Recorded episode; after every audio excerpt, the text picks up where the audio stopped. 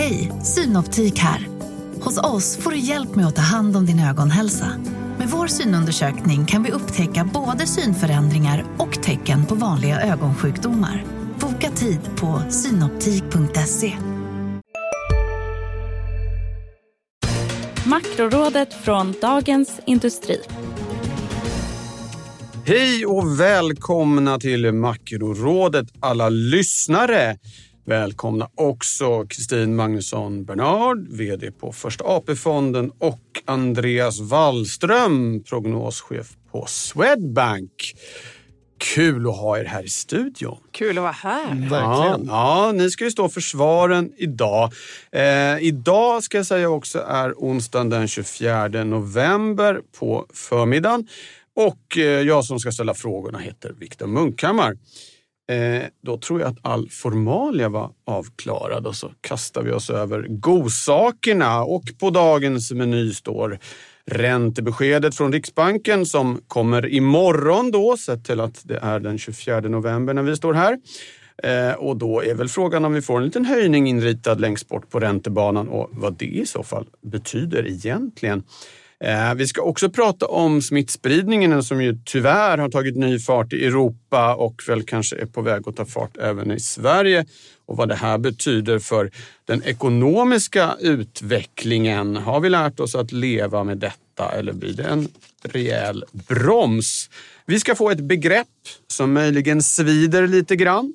Eh, och sen ska vi såklart få spaningar innan vi rundar av med veckans viktigaste. Det är menyn. Eh, som på alla bättre krogar så kommer en liten överraskning, en liten amuse-bouche här. Innan vi gick in i studion precis så fick vi veta att eh, eh, Centern inte kommer att stödja eh, regeringens budget och det innebär då att vi ännu en gång eh, får det lite märkliga läget att vi har en regering som ska regera på oppositionens budget. Väldigt kort Andreas, vad, vad betyder det här? Om vi bortser från, från det politiska och bara tänker rent ekonomiskt. Mm.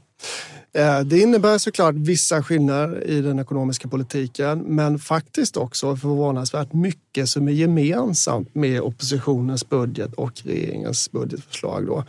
Eh, av de där 74 miljarderna som nu alla talas om för nästa år så kan man säga att eh, nästan 50 miljarder faktiskt är de överens om. Så där är det ingen skillnad. Så det är ungefär 20 miljarder som skiljer sig åt och då är det på skattedelarna bensinskatten eller för drivmedel så kommer den sänkas då med 50 öre, vilket också är en skillnad. Vi kommer inte få någon familjevecka, vilket också är en skillnad. Men på det stora, på makroplanet så ser inte jag egentligen att det här har någon bäring på den ekonomiska utvecklingen för nästa år. Kristin? Nej, men det spännande här är ju som Andreas säger, hur stora skillnader är det mellan de här förslagen och vad är det man behöver ge upp? För i, alla, i båda de här förslagen finns det ju delar som även om man har lagt fram det som ett gemensamt förslag, man kanske inte gillar så där särdeles. Så det kan finnas någon som slipper någonting de har skrivit på i första rundan och på det här viset blir av med. Men det kommer också vara en del saker som är svåra att sälja till de egna väljarna. Nu blev det politik ändå. Om vi tänker bara rent tillväxt, eh, sånt som vi brukar prata om. Ser du någon, någon stor effekt av detta? Nej, det gör inte jag heller. Därför Nej. att storleken vi pratar om är så pass begränsad relativt ekonomins storlek. Ja, Okej, okay. bra. Ingen effekt alltså. Ja, Ta vilken budget säga, ni vill. Man kan väl ändå säga att det finns en viss skillnad i till exempel så, så oppositionens budget nu som nu förmodligen kommer klubbas eh, har ju lite mer karaktär arbetslinje. Ja. För att det är där skattesänkningar kommer komma. Eh, och det är ju någonting som eh, vi ekonomer ofta tycker är något bra eh, och behövande och någonting som man har saknat faktiskt i politiken de senaste tio åren. Så det är väl det goda med detta tycker jag själv. Det dåliga med detta tycker jag är bensinskattesänkningen som jag tycker är väldigt svårt att motivera. Ja. Nej, och så fortsätter det ju det här att det blir ett aktivt politikmakande i riksdagen på ett helt annat sätt. Så jag tror att de institutionella förändringarna är mycket större än de ekonomiska förändringarna vi ser av just den här budgeten. Ja, Tack för det. Eh, då går vi in på den eh, annonserade eh, menyn, eller vad man ska säga. Det är ju så att vi imorgon får ett räntebesked från Riksbanken, Kristin, och där finns det ju stora förväntningar på att den här pannkaksplatta räntebanan, alltså Riksbankens egen prognos, eller vad vi nu ska kalla det för reporäntan, får en liten, liten krok uppåt 2024, ganska långt bort. Till att börja med, tror du också som de flesta att det blir så. Och fråga nummer två som kanske är svårare. Betyder det att Riksbankens bästa prognos är att räntan kommer höjas först i slutet av 2024? Eller ska man se det som ett sätt att bereda marken för att det kan komma att bli räntehöjningar framöver? Var beredda. Jag tror att vi får se en räntehöjning mot slutet av banan imorgon och med det befinner jag mig bland den stora majoriteten. Jag tror att tittar man på enkäter så är det ungefär 90 procent av marknadsaktörer som tror det här. Så att jag, jag har inte en, eh, någon speciellt exklusiv vy på det här och vi tror också att det kommer annonseras nedtrappningar av balansräkningen i ungefär den takt som aviserats. Möjligtvis lite förändringar inom året. Är det här då vad som kommer hända? Ja, alltså som den här räntebanan går till så reflekterar den ju de i direktionen som ställer sig bakom det här förslaget. Det gör alltså att finns det de i direktionen som har tyckt något annat så ligger inte de med i det här. Så där blir det ju viktigt om det här är ett enhälligt besked. Det tror jag personligen att det kommer vara. Men det kan finnas de som reserverar sig. Är det det som kommer hända? Det är långt till 2024. Jag tror att vi ska förvänta oss att det kommer hända en hel del i världen innan dess. Så att i allmänhet om man tänker på hur mycket man behöver revidera en prognos som ligger en två och ett halvt, eh, tre år fram så ska man nog inte förvänta sig att det är exakt det som händer. Nej. Andreas, hur ser du på det här? Ja, jag delar synen som Kristina och som sagt de flesta har att det kommer komma en sån eh, liten svag signal om en räntehöjning där långt borta i framtiden. Um, är det en viktig sak? Ja, men på något sätt visar ändå att Riksbanken säger att noll är kanske inte en normal ränta. Ehm, med det sagt så är signalen väldigt svag skulle jag säga för att det är väldigt långt bort i framtiden och vi kan gå tillbaka i tiden och påminna om den så kallade igelkotten vet inte om ni kommer mm. ihåg den? Jajamän. När Riksbanken Piggsvinet gjorde, även kallat. Ja, när de hade de här ständiga prognoserna om att räntan just skulle stiga. Eh, och den gjorde ju alla, de höjde ju aldrig sen då, va? utan det var, blev eh, bara en platt pannkaka som du kallar det, tror jag Viktor inledningsvis. Så att det är klart att det är jättesvårt. De vet inte så mycket om framtiden eh, mer än oss andra faktiskt. Men, men ändå en liten signal är det. Det andra frågetecknet som ju Kristin var inne lite på gäller ju balansräkningen där ju det som är sagt att nettoköpen, det som på amerikansk jargong kallas tapering, den här processen att trappa ner dem till noll. Det händer ju redan vid årsskiftet här i Sverige. Men nästa år då, mm. vad ska de göra med, med balansräkningen? De har ju sagt att den i stort sett ska hållas oförändrad. Kan vi redan nu få en signal om att den kanske till och med ska börja minska eller är det för tidigt? Det kan vi få, man kan inte utesluta det. Men jag tror den bästa gissningen är, och de flestas bedömare eh, liksom är vyn att de inte kommer signalera det nu. Sen är vår prognos att de till syvende och sist faktiskt kommer att trappa ner balansräkningen något, men inte att man kommer att avisera det nu på torsdag. Kristin, förstår jag rätt som att du tror att det kommer att bli en sån? Jag tror mer det kan handla om hur man tajmar köpen under året. Så det, på årsbasis kanske det inte blir någon skillnad men man kanske ändrar lite på tajmingen vilket om man sitter i marknaden kan ha en stor effekt. Men det jag tycker mest intressant här är egentligen kontrasten mellan marknadsprissättningen i kort, korta ja, räntan. Bra att du kom ja. dit! Det var ju nästa fråga såklart. Härligt! Eh, kort, korta ändan på räntan men också om man frågar marknadsaktörerna vad tror ni att Riksbanken faktiskt kommer göra? För tittar man då på korta räntan så finns det flera höjningar höjningar inprisade Eh, före då 2024. Men när man frågar marknadsaktörerna och det är bland annat SCB som gör en bra undersökning som ni alla kan läsa. Där säger man att det är just den här höjningen mot 2024 som man förväntar sig. Och skäl, skillnaderna då dels mellan vad man tror att de faktiskt gör och vad prissättningen är handlar om internationella aktörer och där brukar det ofta vara så att de är mer influerade av vad som händer med Fed och ECB till exempel. Där det är mer förväntan om att man eh, stramar åt tidigare. Men också så har det hänt mycket i svensk räntemarknad. Det är stora förvaltare som har fått stänga ner och så vidare. Så det är mycket positioner just nu, alltså eh, där man har lagt sina pengar på olika typer av eh, vyer på hur räntan ska utveckla sig som stängs. Och det gör helt enkelt att prissättningen är lite stökig. Ja, Okej, okay. så den, man, det är lite svårt att säga att det här präglar en egentlig genuin tro utan det är snarare andra saker Exakt, som spelar in. Exakt, så uppfattar vi det. Uppfattar ni det också så, eller du Andreas? Ja, det är helt klart ska, så. Ska vi säga det, att om jag inte senast jag kollade tror jag det var upp nästan två höjningar inprisade under ja. nästa år, va? en och en halv i alla fall. Mm. Ja. Mm. Uh, jag håller helt med om att det, det präglas av den här internationella, liksom ganska aggressiva prissättningen på uh, centralbanker. Inte minst Fed, men också faktiskt ECB som nu, där prissätts en höjning redan nästa år, vilket är ju långt ifrån vad ECB själva kommunicerar. Ja, vad handlar det här om? Men jag tror helt enkelt i grunden så handlar det om att vi har haft en överraskande hög inflation på sistone. Eh, återhämtningen i de flesta länder i västvärlden har gått bättre än väntat så ekonomierna är nu tillbaka på någon ny normal i, i stor utsträckning.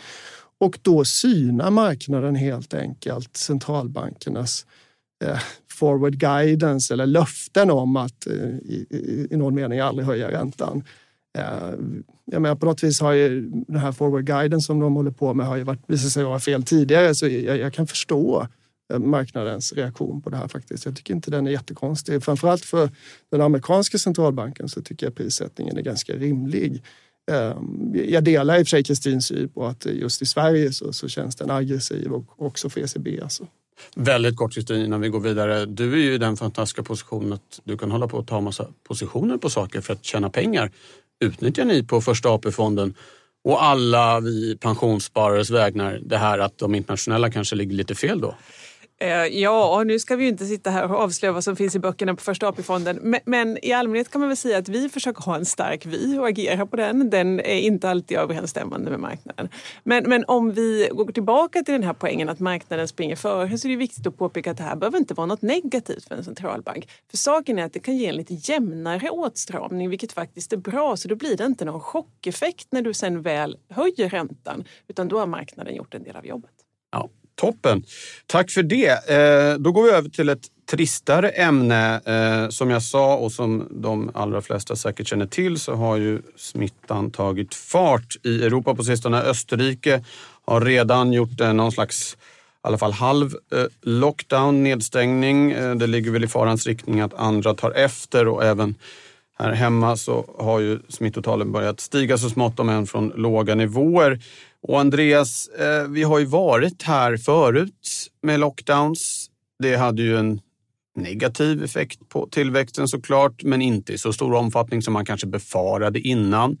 Vad, hur bedömer du läget här nu? Har vi liksom lärt oss leva med det här i så stor utsträckning att det inte har så stor påverkan eller ska man räkna med att det blir en rejäl eh, kyss för framförallt tänker jag då på kanske euroområdet eh, här under fjärde kvartalet? Mm. Tittar man på ekonomierna och den ekonomiska utvecklingen så tror jag man kan säga faktiskt, det är klart att sticka ut hakan lite, men att pandemin faktiskt är över. Ehm, det är Tack. klart att vi, vi, vi kommer få se, vi har sett redan i år eh, regionala tillfälliga nedstängningar. Vi såg i Lettland tidigare, nu är det Österrike tio dagar. Eh, men det, den stora bilden är att vi kommer inte, eh, som jag bedömer, komma tillbaka till de här nya eh, totala nedstängningarna som vi hade i våras och tidigare i vinter. Och gör vi inte det, då tror jag i mångt och mycket så kommer folk leva på som vanligt. Det är klart att det finns vissa branscher som fortfarande är liksom hårt ansatta och kommer vara det en tid framöver. Men den stora bilden för ekonomierna är att det faktiskt inte kommer vara en stor sak, den här ökade smittspridningen i Europa. Ja, det låter ju eh, jättebra.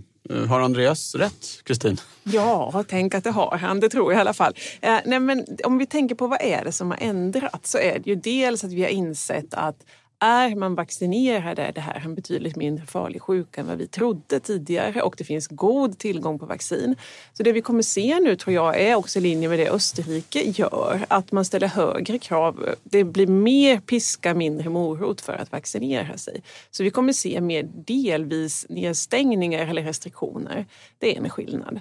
Det andra är att de asiat, Asien har en helt annan hållning nu, med undantag från Kina ska sägas, än tidigare. För eh, Asien har i stor del haft den här noll-covid-policyn som gjort kraft, gett kraftiga nedstängningar, påverkat globala leverantörskedjor och så vidare. Och där är sannolikt den här påverkan mindre nu när man är ganska offentligt går ut och säger att det här är något vi måste lära oss leva med.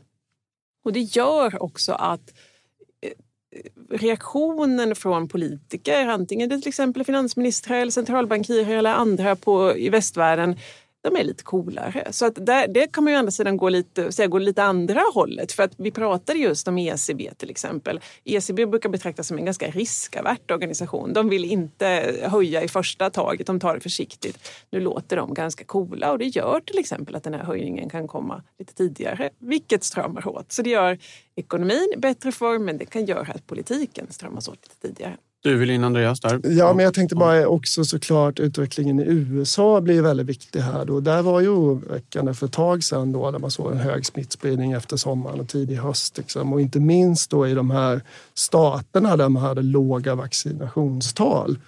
Eh, men intressant nog där så kan man ta, och eh, ta ut Florida som, som hade ju då eh, en väldigt låg vaccinationsgrad Eh, och där smittspridningen var jättehög för ett par månader sedan. Den har nu sjunkit tillbaks och i Florida så är nu smittspridningen alltså en av de lägsta i hela USA. Då. Eh, för att immuniteten eh, i Florida så har man antingen haft sjukdomen eller har man vaccinerat sig. Immuniteten är jättehög. Så jag, jag, tror det är också såklart väldigt viktigt att USA inte kommer stänga ner igen. Ja, och där kan vi lägga till att världens tredje största ekonomi som vi kanske allt för sällan pratar om, Japan. Eh, I Tokyo med Stortokyo för... Hej, Ulf Kristersson här. På många sätt är det en mörk tid vi lever i. Men nu tar vi ett stort steg för att göra Sverige till en tryggare och säkrare plats. Sverige är nu medlem i Nato. En för alla, alla för en. Har du också valt att bli egen? Då är det viktigt att skaffa en bra företagsförsäkring. Hos oss är alla småföretag stora och inga frågor för små. Swedeas företagsförsäkring är anpassad för mindre företag och täcker även sånt som din hemförsäkring inte täcker. Gå in på swedea.se företag och jämför själv miljoner invånare så var det väl sex nya smittade förra veckan tror jag. Eh, det tycker jag låter jättebra. Då går vi vidare till begreppet och det är du som ska fortsätta prata Andreas. Eh, Bullwhip-effekten eller pisksnärt-effekten är någonting som har blivit väldigt eh, omtalat här den senaste månaden. Vad är det för någonting? Ja, ett inte helt givet och, vanligt begrepp för oss makroekonomer. Och jag måste säga att jag lärde mig det själv ganska nyligen. Eh, men tydligen så är det så att det har funnits sedan 60-talet eh, inom företagsekonomin. Eh, och det handlar ju om de här långa leverantörskedjorna då och att det ofta får... Eh, jag tänker mig som att det är samma effekt som man tänker sig ringa på vattnet. Att saker och ting sprider sig i leveranskedjorna. Eh, men sen slutar det dåligt. Ringa på vattnet kan ju vara något positivt, någonting som förstärks bara. Men det här slutar med en snärt som kan göra ganska ont. Och i grunden så handlar det om att eh, det är stor osäkerhet om framtiden. Det många företag nu försöker göra det är att man skyddar sig då mot de här problemen som man har stött på under pandemin. Att man inte haft tillräckligt stora lager. Så man tar i lite extra i beställningar. Eh, man lägger på orderna lite extra. Eh, och om alla gör det i sina led så kommer du få liksom en exponentiell ökning. Så de här som är först i kedjan, de kommer få jättestora beställningar och sitta med alldeles för mycket bultar eller vad det nu kan vara. För att sen är det såklart svårt att uppskatta den här underliggande efterfrågan. Och, när det, och den kanske visar sig då nästa år, den är inte så stor därför att ekonomierna eh, är tillfredsställda. Det är ett normalt läge. Vi behöver inte så där mycket. Så då sitter helt plötsligt väldigt många bolag med för stora lager Eh, och det här skulle kunna vara en intressant effekt, faktiskt någonting som skulle kunna pressa ner inflationen eh, under nästa år och framåt. Eh, vi pratar ju ofta nu om uppsidesrisker på inflation. Men här finns ju faktiskt en nedsidesrisk på inflation. Att man kommer ha liksom någon slags pent up supply Um, faktiskt. Plötsligt sitter vi med alldeles för mycket halvledare ja. efter att ha haft brist ja. i ett och ett halvt år. Jag vet inte om just halvledare vi kommer göra det där, Nej. men i, i, andra delar. Ja, ja. ja Okej, okay. bra. Tack för det. Då går vi vidare till spaningarna. Eh, och Kristin, du, du lämnar ogärna centralbanksvärlden. Det ja, handlar om tänk... olika takter, olika mål. Det är bäst att du berättar själv. Jo, men jag tänkte även få in här, vad har vi lärt oss av pandemin? Som, oj, oj, oj. Eh, okay. Ja, jag, du, jag fortsätter på Andreas tema Man får ofta två spaningar i en med dig. Det är minst. Bra. Ja, minst ja. För att, och nu ska vi också, jag introducerar hej vilt och spontant ett begrepp här också, nämligen ett naturligt experiment. Därför något som vi ekonomer älskar är när det händer något i ekonomin som gör att vi kan förstå funktionssättet bättre. Och det tycker kanske alla ni lyssnare, det här borde ni väl få tillgång till hela tiden, men så är det faktiskt inte. Det är ganska svårt som makroekonom att veta vad som orsakar att inflationen blir på ett visst sätt eller tillväxten chockas eller vad det nu är. Och pandemin för alla sina negativa konsekvenser har lärt oss jättemycket hur prisbildning funkar i olika länder genom då ett slags naturligt experiment. För vi kan kolla när händer det olika grejer? När stänger man ner? När trycker man igenom stimulanspaket? När sänker man räntan? Det är så mycket efterfrågechocker och utbudschocker och alltihopa på en gång. Så här kommer vi ha och gräva i under lång tid. Och den första observationen från det här experimentet det är att allt blev precis som man hade trott. För tittar man då på olika inflationstakter, mellan, tittar man på inflationstakterna mellan länder så ser man att USA ligger i topp. I botten ligger Japan och Schweiz och någonstans i mitten till exempel ligger euroområdet och Sverige. Och det är så här det brukar se ut. Men att det ser ut så fastän alla de här ganska extrema sakerna händer under så kort tid, det gör ju att vi kan få lite mer förtroende för vad vi trodde innan så att säga. Det nästa man kan lära sig av ett sånt här experiment är att man kan använda det för att lära sig och försöka förstå hur andra förändringar skulle kunna spela ut. Och en sån sak är faktiskt klimatomställningen. För att det pratas mycket just nu om om man ska göra de satsningar som krävs för att byta till andra energikällor och så vidare. Vad skulle det kosta och vad skulle det få för effekt på inflation till exempel? Så då eh, finns det seriösa beräkningar att det handlar om ungefär en tiondel av de stimulanspaket som sjösattes under corona. Så då kan man ju tänka sig att inflationseffekten kanske inte blir så himla stor. För det ska också göras under längre tid. Men så är det ju det där att det är energi och det är en tung vikt i inflationsmåtten. Så att där ehm, bör man kunna dra i de här sakerna som eh, annars är svårt att bena ut. Och sist men inte minst så handlar det just om det här om man har olika olika underliggande inflationstryck i olika länder men samma mål så betyder det att vissa kommer alltid behöva jobba hårdare för att ta sig upp till målet när inflationen ligger under målet och göra mindre när inflationen ligger över målet. Så allt annat lika då så betyder det att ett land som USA kommer strama åt mer lite kontinuerligt över tid då än jämfört med till exempel euroområdet och Sverige. Och sånt påverkar växelkurserna och då kanske vi också kan förstå varför dollarn bara stärks och stärks och stärks. Ja, det var det var verkligen mycket i, i den. Andreas, vill du plocka upp någon grej? Oj, All, allt ja. kanske du inte kan kommentera på, men något som stack ut här ja, som du vill nej, tillägga? Men, du behöver um, inte. Ehm, en sak som eh, det är väl just som sticker ut i USA är ju att lönerna har börjat öka där på ett mycket mer tydligt sätt än vad man ser i Europa. Och det tänker vi hos ekonomer ofta är en viktig faktor för att få liksom bestående inflationstryck. Alltså på lång sikt, det som avgör inflationen, det är inte energipriser och sånt där, utan det är löneutvecklingen och produktivitetsutvecklingen. Så det är de två mest centrala faktorerna att hålla ordning på. Då. Och uh, givet att vi inte vet så mycket om produktivitetstillväxten framöver kommer sannolikt vara fortsatt låg som den har varit de senaste tio åren. Ja, ja, men då är det löneutvecklingen och där ser vi ju redan nu ett, ett jättetryck i USA faktiskt och det kommer säkert fortsätta öka, vilket vi inte alls ser i Europa ändå. I stort, jag ska säga det finns vissa länder i Europa där det också syns. Storbritannien? Till exempel Baltikum. Ja, ja bra. Tack eh, Andreas. Eh, det är dags för din spaning. Ja. Jag har kladdat ner politiserad penningpolitik. Ja, min rätt? egen titel är Den allt mer politiska penningpolitiken. Ja. Uh, och uh, ja, också centralbanksvärlden då, vi fortsätter att befinna oss där i. Uh, och jag tycker det är ganska tydligt, det har pratats om det nu ett antal år, men vi är liksom på väg emot den här lite Eh, Eh, ifrån den här väldigt tydliga uppdelningen att vi ska ha oberoende centralbanker. Eh, och det finns en del spaningar där som jag tycker är intressanta. Dels eh, för det första valet av centralbankschefer. Vi har ett väldigt aktuellt exempel med Powell som nyligen blev återvald. Men det var ju diskussion om detta. Flera demokrater ville ha Brainard Bland annat. Vi pratar nu om den amerikanska centralbanken, ja, Federal Reserve, ska jag ja. bara infoga för de som inte är bekanta med Powell. Bra, tack, tack Victor.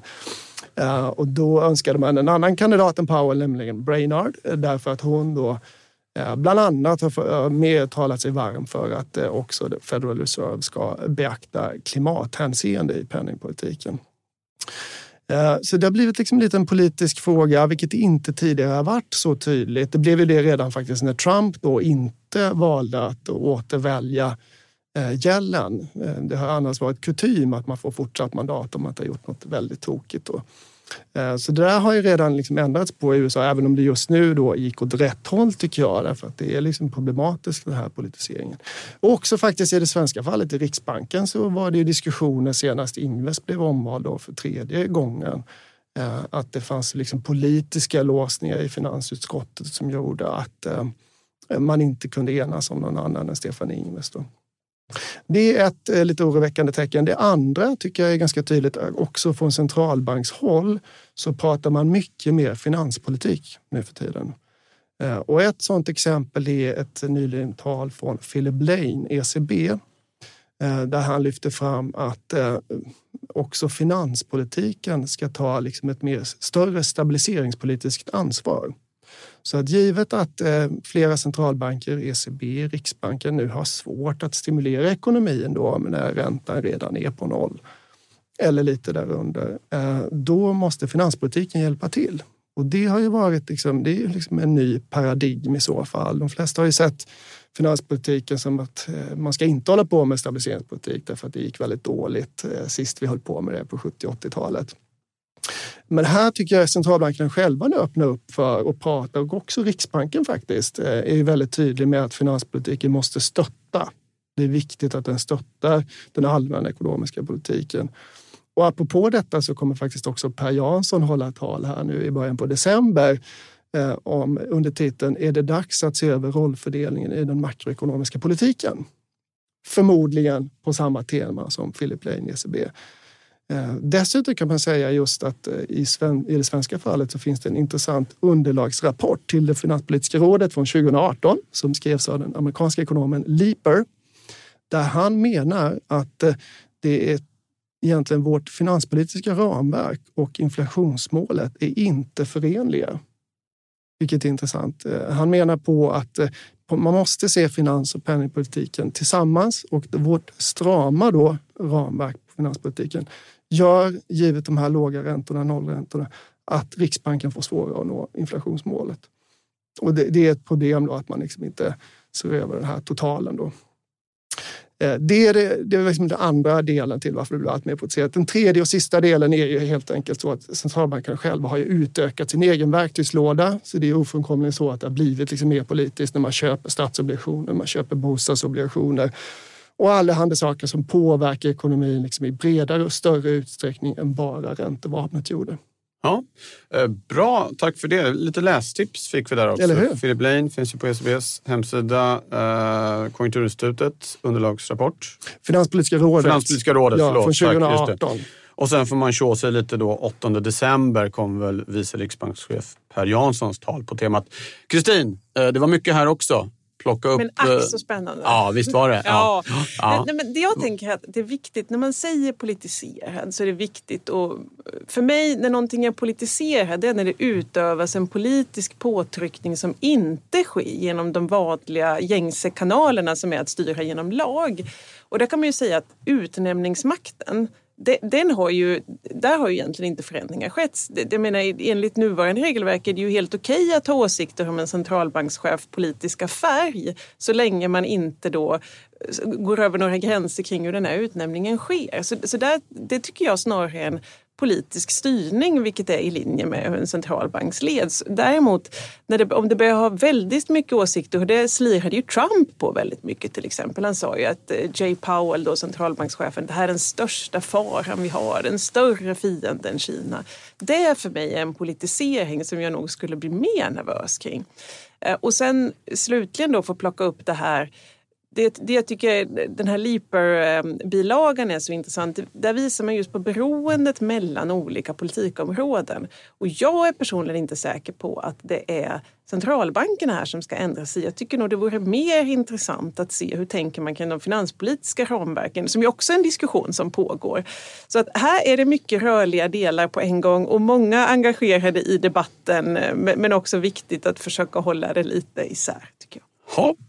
Bra, tack för det. Där måste vi väl säga Andreas, apropå det finanspolitiska ramverket, det är ju en käpphäst som du har haft. Som du har ridit länge, att den här översynen borde komma tidigare. Ja. Och lite islossning i, i frågan här nu.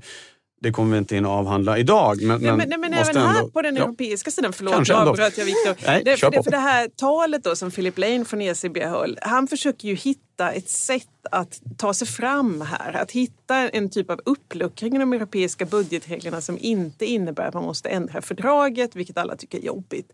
Och, och, och det, här, det här kan jag ju se som en risk. Att eh, för att man kanske inte orkar eller tror att det finns en chans att de ordentliga politiska processerna går igenom så börjar man försöka hitta diverse shortcuts, diverse lösningar, liksom fixa till det på olika vis. Och, och det tror jag på sikt är en ganska farlig ordning. Ja, Bra, det här ska vi borra mer i, låter det som. Men nu ska vi avsluta för dagen och Kristin, det är du som får sista ordet. Veckans viktigaste, vad får man absolut inte missa? I det digra flödet den allra närmaste tiden? Då tycker jag man ska hålla utkik efter non-farm payroll som kommer nästa vecka. Det är sista arbetsmarknadssiffran av supertyngd som Federal Reserve får innan sitt nästa möte och den kommer de säkert dissekera och alla vi andra också.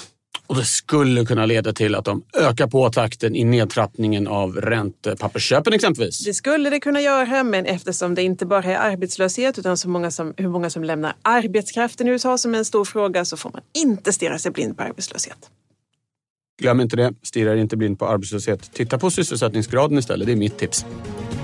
Eh, hörni, Kristin, eh, Andreas, Fantastiskt att ha er här. Tack för idag. Tack också alla som har lyssnat. Makrorådet är tillbaka om två veckor. Innan dess så kan man gotta sig i annat eh, i poddväg härifrån. Så som Analyspodden varje fredag, Digitalpodden eller Morgonkoll. Eh, lyssna på och ta hand om er där ute så hörs vi om två veckor. Tack för idag. Makrorådet från Dagens Industri. Podden klipps av Umami Produktion Ansvarig utgivare Peter Fällman. Varje vardag klockan sju uppdaterar Ditvs Morgonkoll dig om natten och morgonens viktigaste nyheter. Från börsstängningen i New York till läget i den asiatiska handeln. Och strax därefter kommer podden med samma namn. Prenumerera på Morgonkoll du också så är du uppdaterad inför varje ny arbetsdag.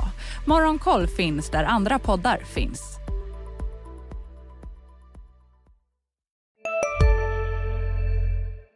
Hej, Susanne Axel här. När du gör som jag och listar dig på en av Krys vårdcentraler får du en fast läkarkontakt som kan din sjukdomshistoria. Du får träffa erfarna specialister, tillgång till lättakuten och så kan du chatta med vårdpersonalen. Så gör ditt viktigaste val idag, lista dig hos Kry. Välkommen till Maccafé på utvalda McDonalds restauranger med Baristakaffe till rimligt pris. Vad sägs om en latte eller cappuccino för bara 35 kronor? Alltid gjorda av våra utbildade baristor.